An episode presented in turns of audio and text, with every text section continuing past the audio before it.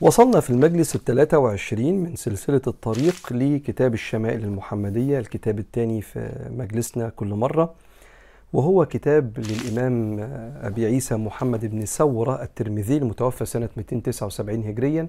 يتكلم فيه عن صفات النبي الخلقية في شكل النبي ولبس النبي ومقتنيات النبي والخلقية في أخلاق النبي عليه الصلاة والسلام.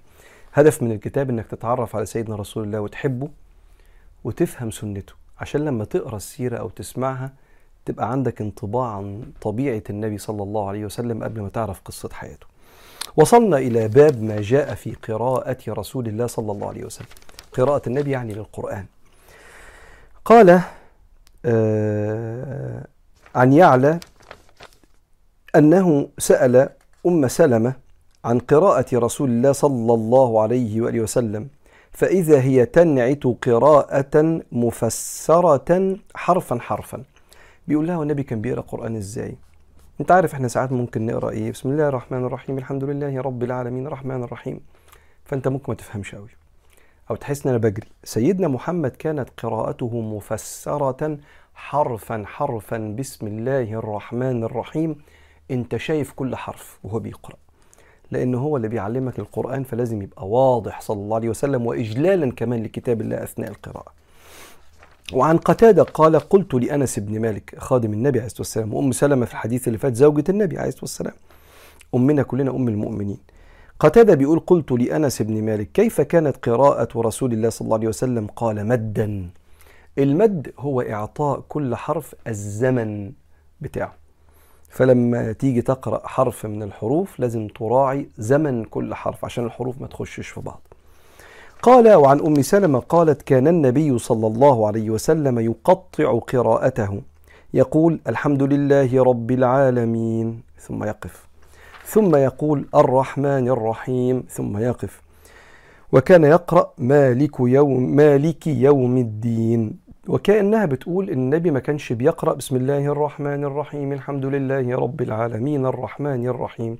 إنما كانت سنته وإن كان القراءة بوصل الآيات جائزة لكن النبي كان بيعمل إيه؟ كان بيفصل الآيات. وعن صالح عن معاوية بن صالح عن عبد الله بن قيس قال سألت عائشة رضي الله عنها عن قراءة النبي صلى الله عليه وسلم أكان يسر بالقراءة أم يجهر بها؟ صوته كان بيبقى مسموع ولا صوته بس على قده كده يسمع نفسه فالقراءة تبقى سرية؟ قالت كل ذلك كان يفعل. قد كان ربما أسر وربما جهر. فقلت الحمد لله الذي جعل في الأمر سعة. الحمد لله أن النبي عليه الصلاة والسلام نوع لينا القراءة علشان نبقى إحنا مستريحين. وأنت مثلا بتصلي قيام الليل بتصلي السنة عايز تسمع نفسك عايز صوتك يبقى عالي تستجلب الخشوع وتحس بالخشوع.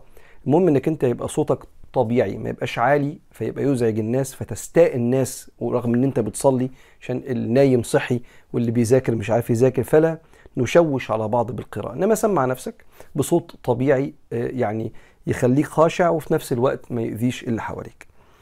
ودي السنة فعلا.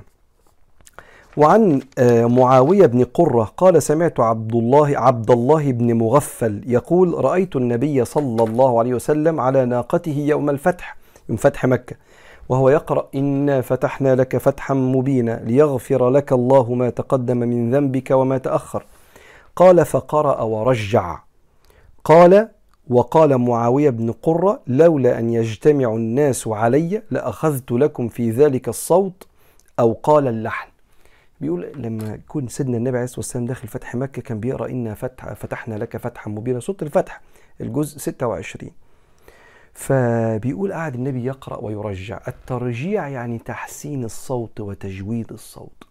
فسيدنا معاوية بيقول إيه؟ لولا بس إن الناس هتتلم عليا كنت قلدت لكم النبي كان بيقرأ إزاي. قال لولا أن يجتمع الناس علي لأخذت لكم في ذلك الصوت. أقول لكم كان بيقرأ إزاي بالظبط؟ أو قال اللحن يعني اللي كان النبي عليه الصلاة والسلام بيقرأ به قال عن قتادة قال ما بعث الله نبيا إلا حسن الوجه حسن الصوت وكان نبيكم صلى الله عليه وآله وصحبه وسلم حسن الوجه حسن الصوت وكان لا يرجع. آه. أم هنا سيدنا قتادة آه قال إيه؟ قال يا جماعة النبي كان صوته حلو قوي بس كان بيقرأ قراءة من غير لحن. طب وسيدنا معاوية بن قرة سمع النبي بيرجع فبيجود القراءة وفي لحن في صوته. وده من تنويع النبي عليه الصلاة والسلام.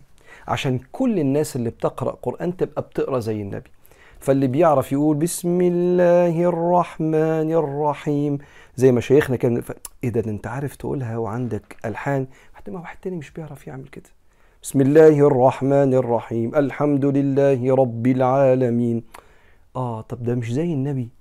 لا يكون أنا مقصر في حق القرآن. قالوا لا النبي كان عنده مرة يرجع يقولها كده بتجويد ومش تجويد اللي هي الأحكام. طبعا بيقرأ بالأحكام لكن ده هو اللي بيعلمنا ده كله. بس أقصد يقول يعني يجود الصوت ويلحن الصوت أو يقراه كده كأنه بيقراه بشيء من الفخامة كده والوقار دون تلحين فيه. الله تعالوا نقف هنا عشان المرة الجاية نقرأ باب ما جاء في بكاء رسول الله صلى الله عليه وآله وسلم.